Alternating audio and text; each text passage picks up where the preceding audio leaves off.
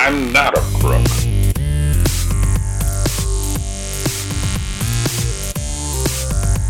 But because they are hard. Welcome to Presidential Deathmatch, the only presidential debates that matter. On today's program, Henry Clay wants it too bad. Martin Van Buren is betrayed by the Democratic Party, and Samuel Southard existed.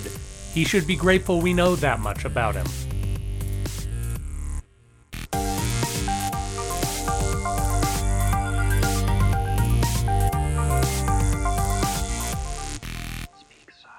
Hello, and welcome to Presidential Deathmatch. My name is Aaron Garrett, and unfortunately, my brilliant co host Dennis is away on assignment this week, so we will be unable to do our usual delightful debate. But he and I recorded a special presentation for something else, which you will get to hear today instead, and I, I hope you'll really enjoy it. Before we get to that, I want to go over retractions from our episode last week with Andrew Heaton we had a really fantastic time having Heaton on, and we let a couple of things potentially fall by the wayside that we would usually do. We had such a fantastic time talking to him. We we didn't get quite to all of the history that we may want. So I thought I would just step through a little bit about the what the Whigs were about. So number 1, we did a we didn't really touch on who or what the Whigs were. We just kind of talked about a, a, few of their campaign tactics and some of their more uh, colorful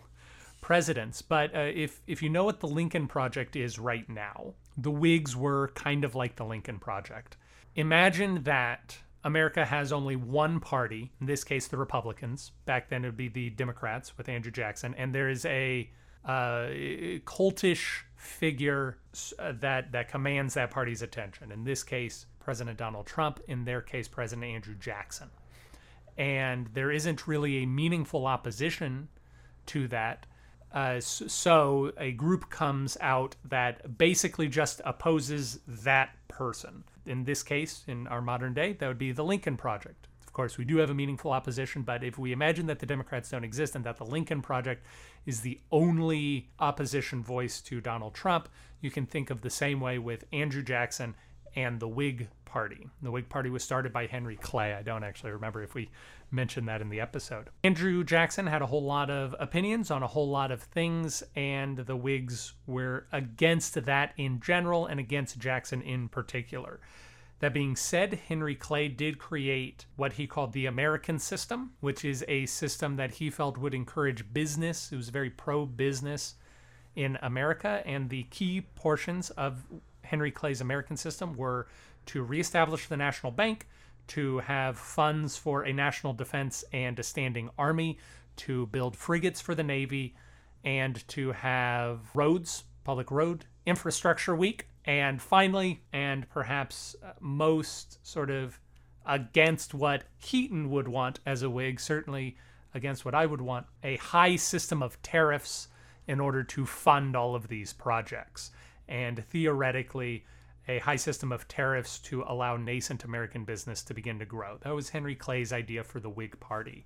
William Henry Harrison didn't really fit into this, neither did John Tyler, the first two Whig presidents. And Zachary Taylor didn't really have any opinions, and we all heard about Millard Fillmore. So Henry Clay's American system didn't really pay off for the Whigs like he wanted it to. Another thing that I said that was slightly in error last week as I said that the Whigs folded in 1852. What uh, that is not exactly true. The Whigs ran their last presidential candidate in 1852, but they did compete in the midterms in 1854. This would be during um, uh, Franklin Pierce's administration, and they felt that they would make heavy gains like they did during James K. Polk's administration. They did not. I believe that they did not win any seat that they didn't already hold. And in fact, they lost a great deal of seats. And not only did they lose seats, but a number of other parties, the American Party or the Know Nothing Party, gained seats.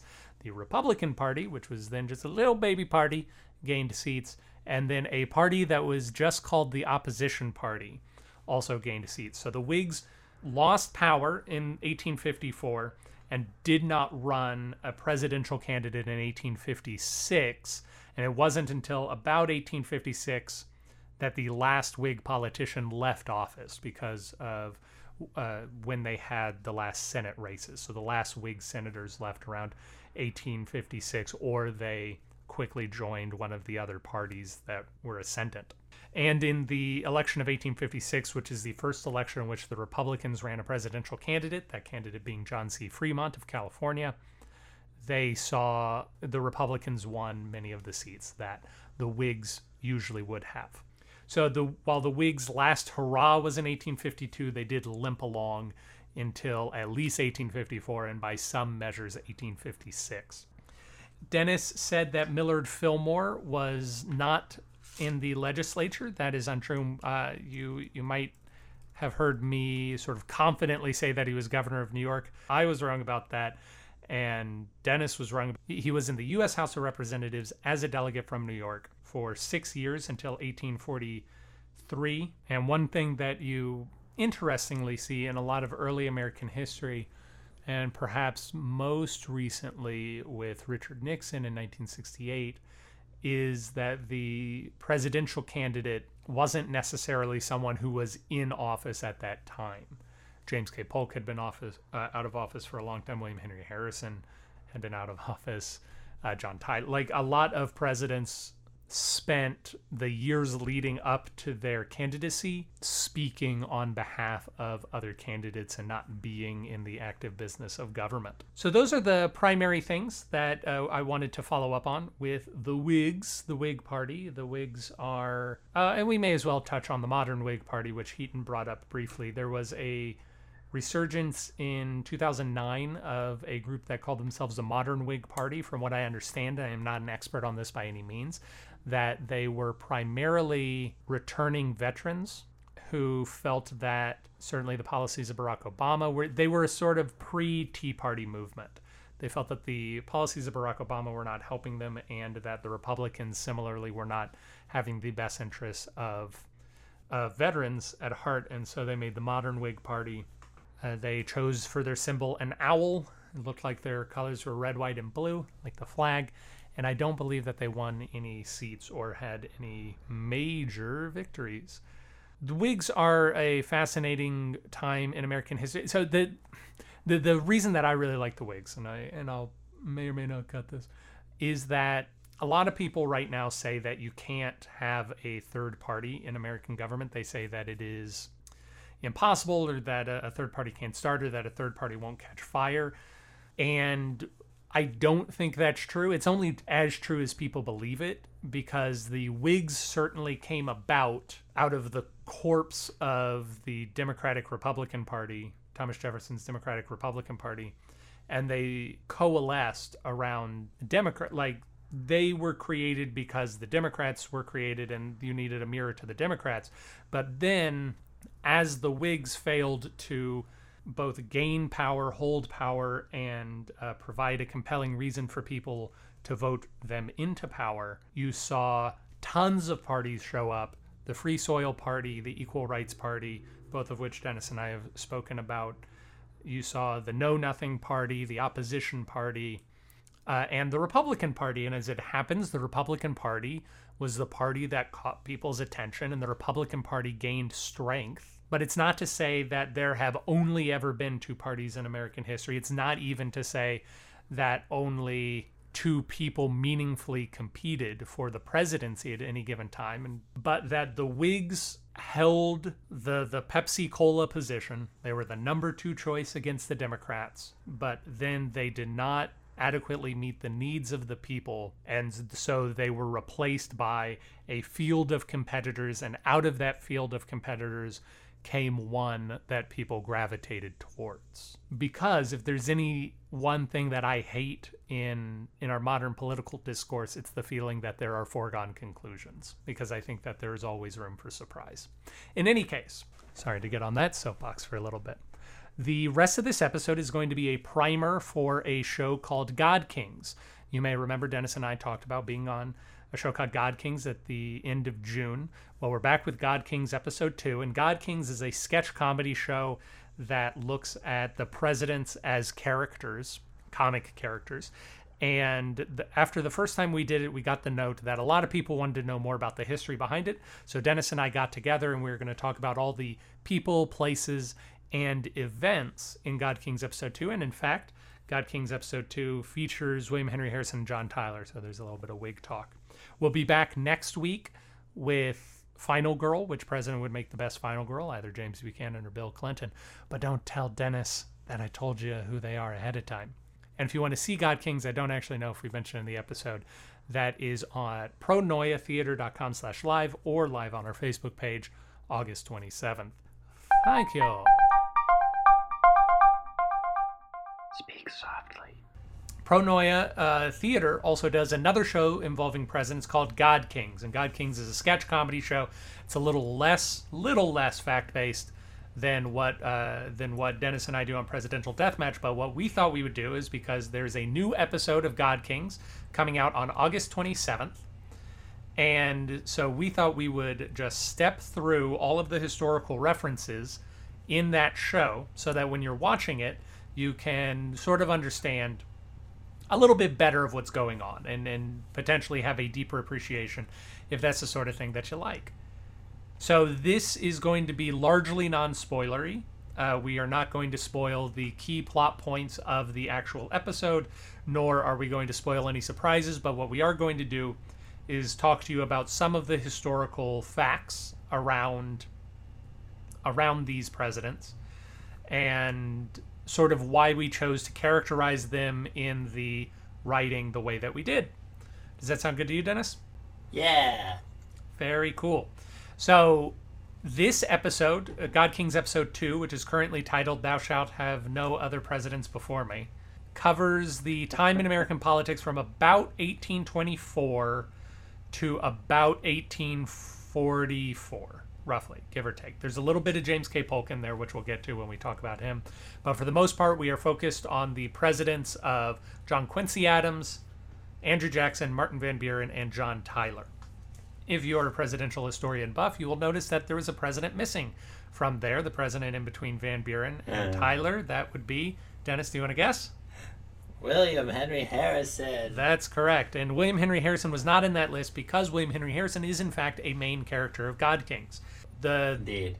the way God Kings works is that it is a series of comedic sketches, but it is also a self-contained story about an immortal version of William Henry Harrison who has found a young child named Haley Walters and he is training her to become president. For what reasons, we do not know, and we will probably learn more about why William Henry Harrison wants her to become president as the series goes on. We're only in episode 2, so we don't want to give away too many surprises. But it is important to But we do learn a lot. Yeah, We learn a lot about that journey in this episode for sure. We we yes, uh, William Henry Harrison's got plans and schemes, and Haley uh, can either fit in them or not fit in them, and he has contingency plans because, as he says, he doesn't want to get into another Jeb Bush situation. A confusion that I run into often, that I've said many times and I always have to retract, is that he is not in fact dead. He is an immortal being. So for those taking notes, he's he he faked his death after 31 days, if I'm not mistaken. That is correct. Eh, we don't know why. We don't know why, but uh, you might be able to draw some inferences from this episode. There's a little segment where he sort of talks about why he may have faked his death, and you do actually get to see him in this episode faking his death. That is one of the final Ah. things we see is is William Henry Harrison trying to pull off his clever ruse.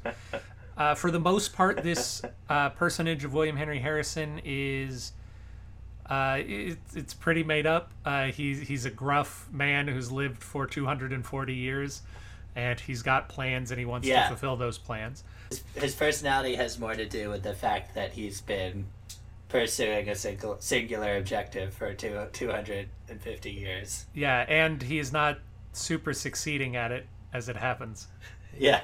Uh, and more, more to do that with that. he has very little to show for his time on this earth, in that he is Yeah. stooped to sleeping under a small child's bed as his uh, primary form of uh, protecting himself. What you need to know about William Henry Harrison. Which, Uh, as far as the historical, there are a few jokes made about this. When he was running in his election, he was called the lag, uh, lag, the log cabin insider candidate because they were trying to paint Martin Van Buren as this aristocratic dweeb, and William Henry Harrison is real salt of the earth, man of the people. So they said he was lived in a log cabin and he drank hard cider, which is a very American drink. There are a few jokes made at that expense. Another thing before we really jump into a lot of the historical references is that this episode, God Kings episode 2, takes place in 2013. Uh, the first episode took place in 2008. This episode takes place, or 2009. This episode takes place in 2013. There isn't a ton made about that except for a small joke made at the uh, at the expense of the 2016 election. And Dennis, I just realized, unfortunately, we are closer. 2013 is closer to the 2016 election than we are today, which is upsetting. I dislike the way time runs. 2013 seems like so long ago. Yeah, there's definitely. I think this is a trend in. Maybe it's not a trend in media, but it's one that I would expect to see. It's certainly been a trend for what I've watched during the quarantine. Is just like it's a requirement that it has to be something that was made pre 2016. Yeah. I just go back and watching sitcoms from from back from. Back Yeah. No one's binging The Good Place right now because we've already seen it. Uh, Yeah. So there are a lot of uh, the historical references in this episode are a mixture of just throwaway jokes about people and in-depth explorations. And one of our first throwaway jokes is about Teddy Roosevelt. Dennis, if I uh, if I asked you to describe Teddy Roosevelt, how would you describe him? Teddy Roosevelt is I I the way that I would describe him at this point in in my studies is similar to like the guys in tech who like end up going to the gym a lot and getting really fit uh, and are, are trying to hack life. He was like very like well educated, but then like for whatever reason kind of had this like Elon Musk style like bloodthirst that, that drove his travels through the world. Uh, yes, that is absolutely correct. Uh, he was uh, both a very uh, smart man, but a very physically fit one. He was very physically fit. As a child, Teddy Roosevelt never went outside. He was highly asthmatic. He was not fit at all. And around the time he was 11 or 12, his dad came to him and said something along the lines of, Well, kid, you can either choose to be a weak idiot for the rest of your life or you can make something of yourself. I'll leave the choice with you. And Teddy Roosevelt chose to just get real intense about fitness. So our main character, Haley Walters, says that she is weak, but like Teddy Roosevelt, she will grow strong. Uh, our our first sketch is about the personage of John Quincy Adams. Now, Dennis, you studied John Quincy Adams for our uh, our debate program, Presidential Deathmatch. I believe you said he would make a good SNL host. I think that was the question we were researching. Um, Wow, ages ago now. yeah. Uh, so John Quincy Adams, tell us like two or three sentences about him. He is. Some say that he is the only genius president, as I think I mentioned recently uh, in the IQ analysis of all the presidents. Um, he was the son of John Adams, and it sounds like a trope, but he really like documented had like a lot of issues with his dad having been president and him not being good enough for his dad, like because he wrote everything, he journaled everything.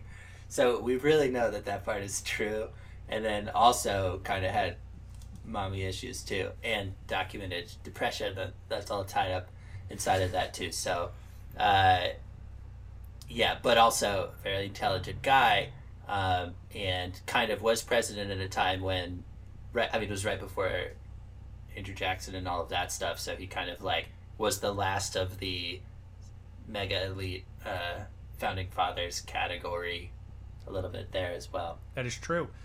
Uh, John Quincy Adams uh, had had many issues, but he was very brilliant. In fact, he is, I, I think, inarguably the most qualified person who ever held the presidency. So, in our sketches, the way that uh, we write a lot of this president material is we read a lot about the president, we look at stories from their life, and we try to come up with either a comic character, we turn them into a sketch character, uh, which means we characterize them, or we come up with a metaphor for their life. We're going to see that metaphor a little later with James Polk. For John Quincy Adams, we really just went with a lot of energy, a little inappropriate, and he's clearly got problems, but he is in a position of authority. And so he is a he is a guy who is in a position of authority, but he's not all there, and he clearly has a lot of issues going on. He is going to meet with a man named John Symmes Jr. We don't want to say a lot about John Symmes Jr. We want to leave things as a surprise. Dennis, I know you have you have feelings about old John Symmes. Suffice to say, John Symmes Jr. is a real person. The thing that he wants to do in our sketch is a real thing that John Symmes Jr. wanted to do. The sketch portrays some other aspects ahistorically. If you want to learn more, go listen to the episode of Presidential Deathmatch after the SNL episode, where we talk about this issue in greater depth. But the sketch is about a reasonable man named John Symmes Jr. who wants to petition the government for some federal funds to fund a, a project of his, and him having to decide whether or not having his project associated with the very clear insanity of John Quincy Adams is a is a smart or dumb move for him, and and I think that's a particularly fun sketch. Next up, we learn a little bit. We name check several presidents throughout this throughout this episode. Uh, one one person who's name checked as generally a nice, sane person was William McKinley, who I believe is your favorite president, Dennis. William McKinley gets a shout out. Uh, he does not appear, Indeed. but uh, he was he is said by William Henry Harrison to be a very nice, normal guy, although he was assassinated. Um, and all of that is true. William McKinley uh, seemed, by all accounts, very nice guy, apart from the whole Spanish American War. Uh, and even then, uh, you know, maybe uh, aggression is justified. We don't really know. um, we are going longer than I thought, so I'm going to sort of speed through these, Dennis, and, and you chime in, uh, or I may toss it to you a little bit. So the next, uh, the next sketch that we see has to do with the aftermath of the election of 1824. Martin Van Buren and Andrew Johnson. Dennis, I know that you have read the script, or at least you've read part of the script. What is uh, some some important things about the election of 1824, if you remember? Andrew Jackson, I think. Yeah, I think you said Andrew Johnson, so I just want to say, Oh. mention, Yes, quickly say. Andrew Jackson. Although Jack is short for John, so it's all the same, really. Uh, isn't it? Or is it? Yeah. yeah. It's weird. um, so, uh, 1824, there was uh, basically Andrew Jackson. Uh, was that's the election that he lost, or that's the one that right after he lost the previous That's the one? one he lost. Martin Van Buren said, "Look, okay, okay, 1824. So in 1824, Andrew Jackson, Henry Clay, uh, John Quincy Adams, and a fourth person that I don't remember all compete in the election of 1824. They all get electoral votes, and no one gets a majority. So it is the only election that we have that was sent to the House of Representatives in order to determine who was the winner. And Andrew Jackson, although he wins a plurality of the popular vote, he does not get the election. He does uh, the presidency goes to John Quincy Adams. In the aftermath of this, a man uh, dear to Dennis and I's heart, named the Little Magician, or Blue Whiskey Van, old Martin Van Buren comes and he's got a brand new idea, and that's the Democratic Party.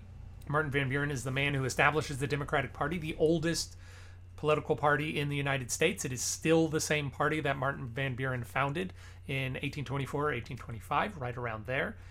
And this particular piece is about the uh, well, the entire episode is about how you can work really hard for something, but it doesn't that that doesn't necessarily mean you're going to get anywhere uh, with with all your hard work. And Martin Van Buren sees this. He builds the Democratic Party, but the Democratic Party uh, is going to abandon him eventually, and uh, Martin Van Buren will leave the party later on in his life that he helped found.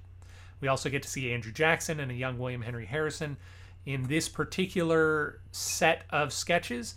So, one thing that uh, I think we talked about when we were first writing these in 2014 uh, one thing that we talked about is that we want to essentially pull all presidents back to the middle. So if there is a strong negative cultural attitude about a president, we want to sort of elevate that president in the public eyes. There's a strong positive attitude towards the president. We sort of want to lower that president in the public's eyes. Uh, we just want to sort of give everybody more or less a fair shake. Um, so Andrew Jackson, especially over the last couple of years, has been taking a lot of hits for a number of things that he did. Uh, it is still important, I think, to recognize that Andrew Jackson was a man of the people. He was the first person who really believed that uh, that the common man should be able to vote, as long as that man was white. So there's room for growth. Right. There's room for growth. Yeah. But uh, as opposed to col- um, elites, people who own a lot of land, people who have a lot of money being the only ones who can vote, Andrew Jackson said, no, the people should vote. And he worked to expand voting rights. And so we showcase a little bit more of that Andrew Jackson man of the people that sometimes gets lost. Yeah. Yeah. Uh, we It's a interesting.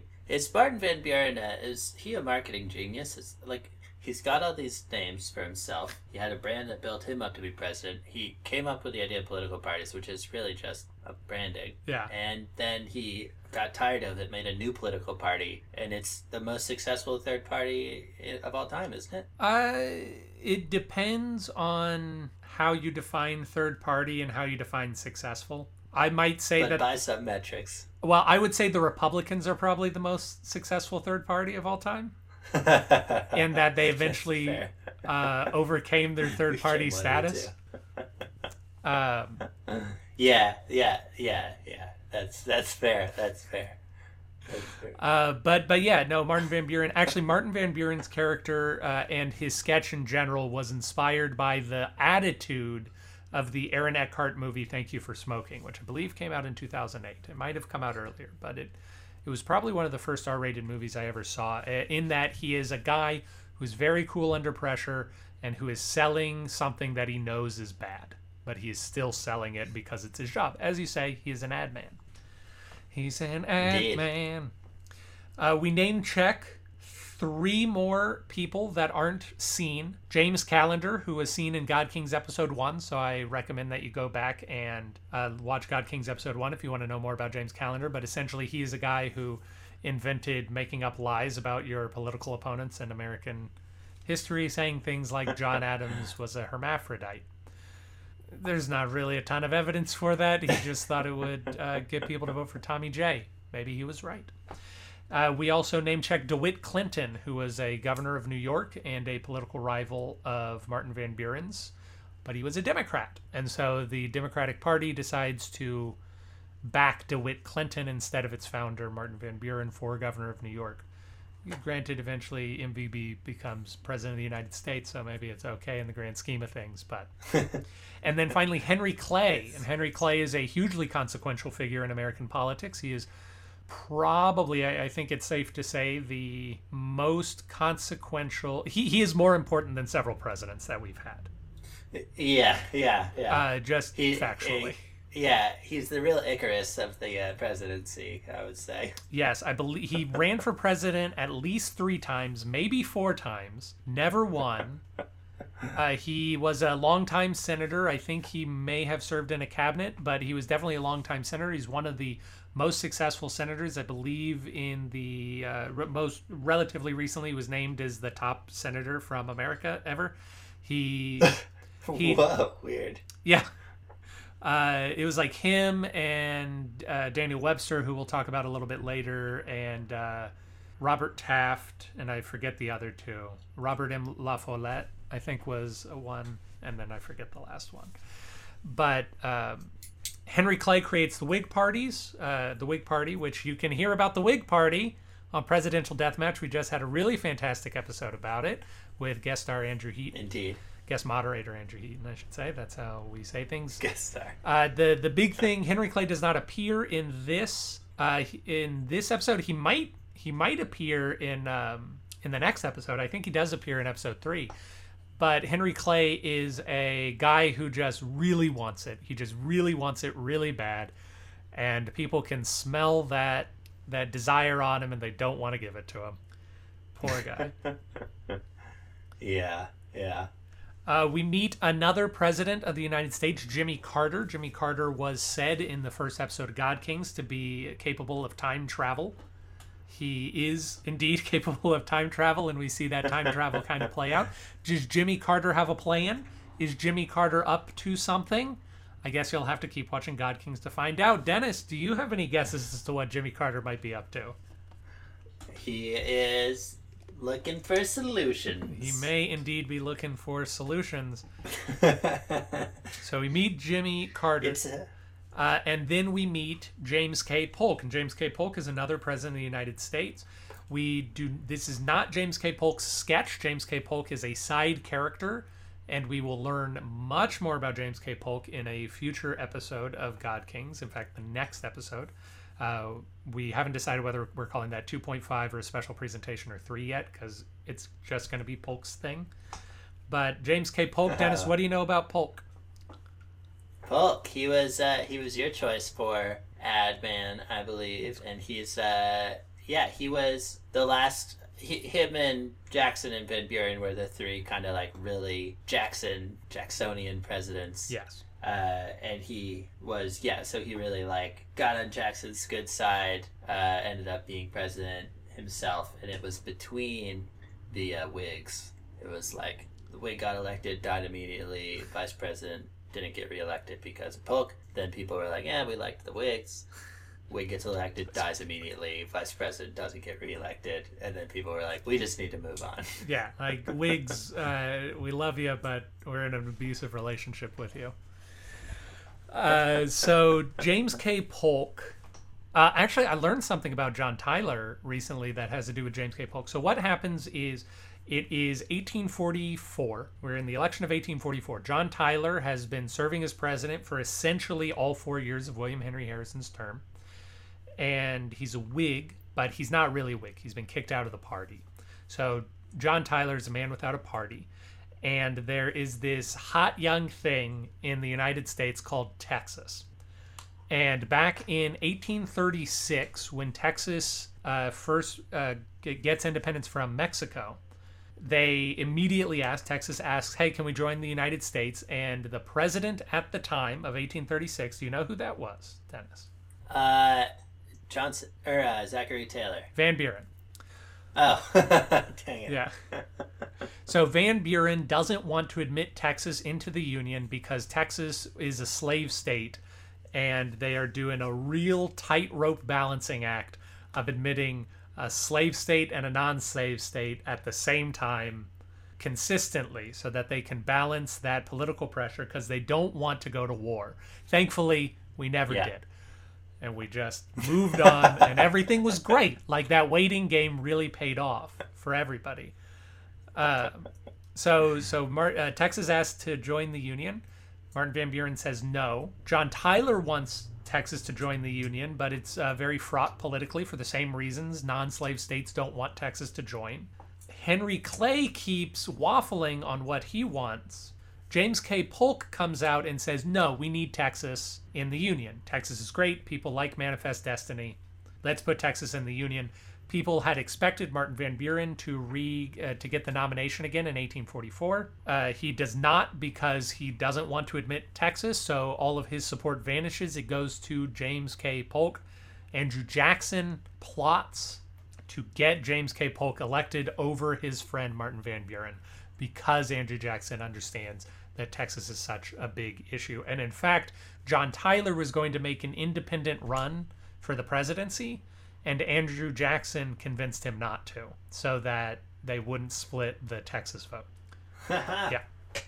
So that's uh, It's a classic Yoda Luke situation. yeah.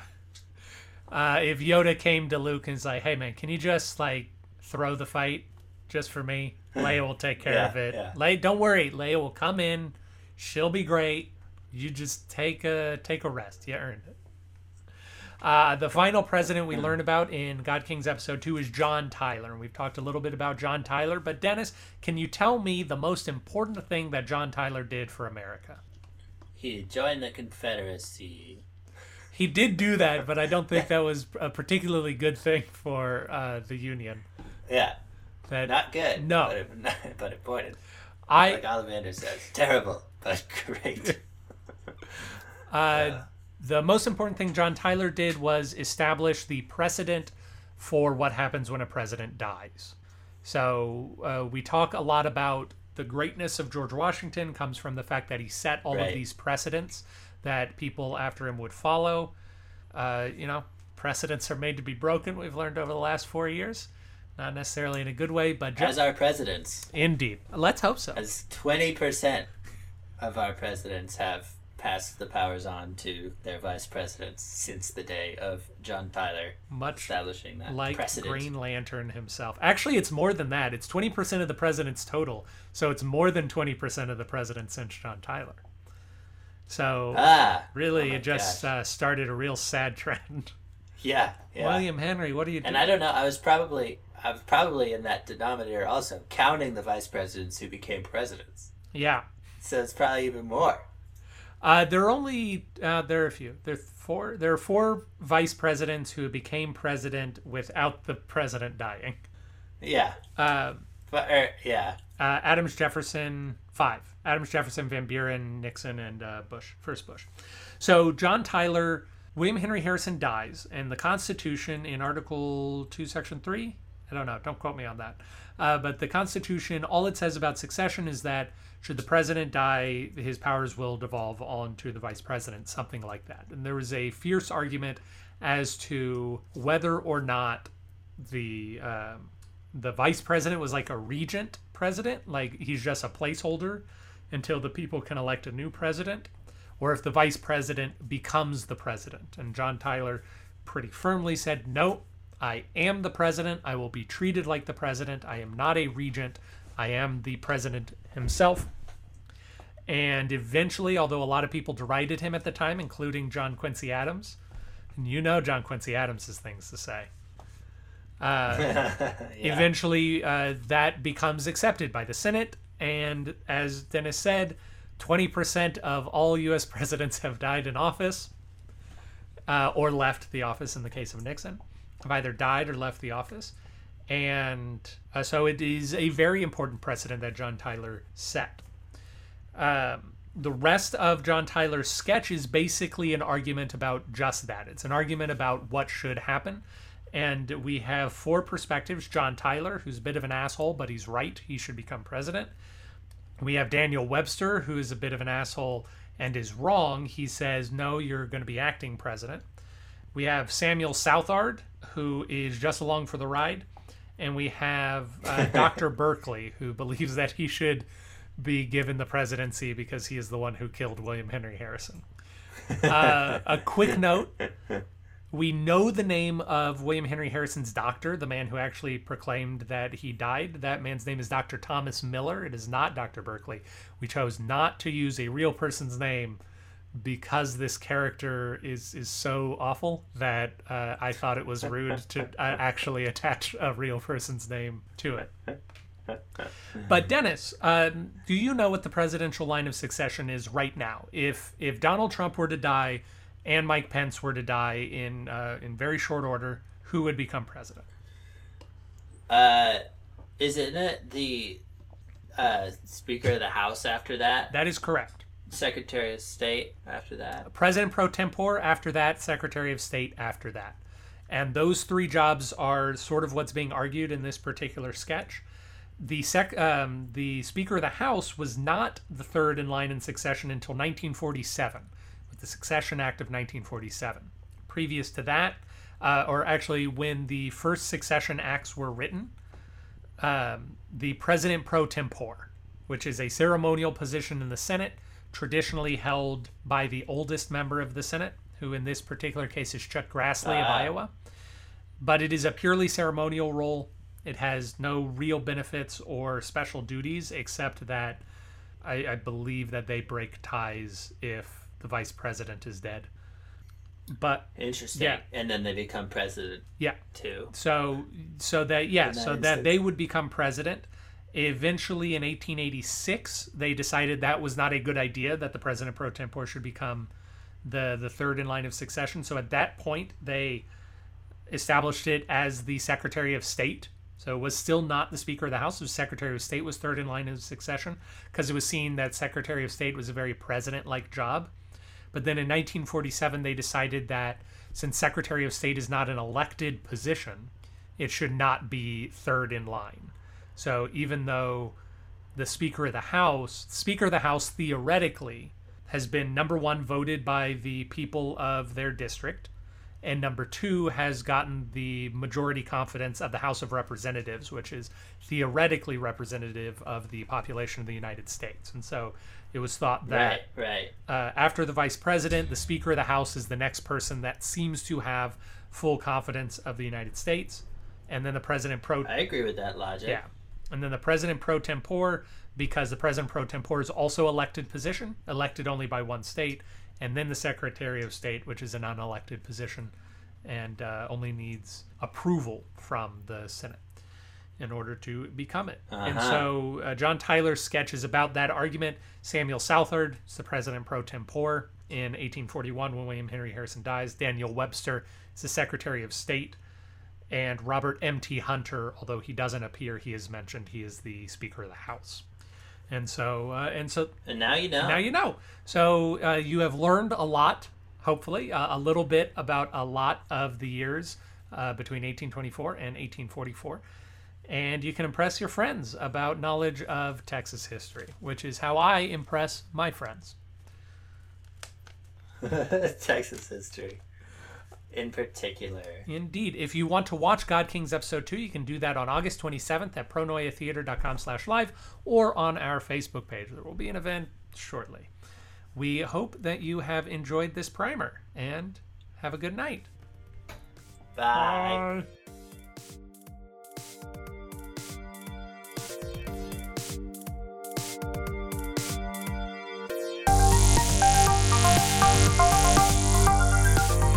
Thank you for listening to Presidential Deathmatch. Presidential Deathmatch is a production of Pronoia Theater. You can find more out about us at pronoiatheater.com. This program was edited by Aaron Garrett with music by Dennis Buddy and hosted by those same two lovable goofballs. You can always email us at contact at pronoiatheater.com. If you enjoyed the program, we ask that you rate and review wherever it is you found us. It really helps us out. And if you didn't like the program, why don't you stick around? We really grow on you.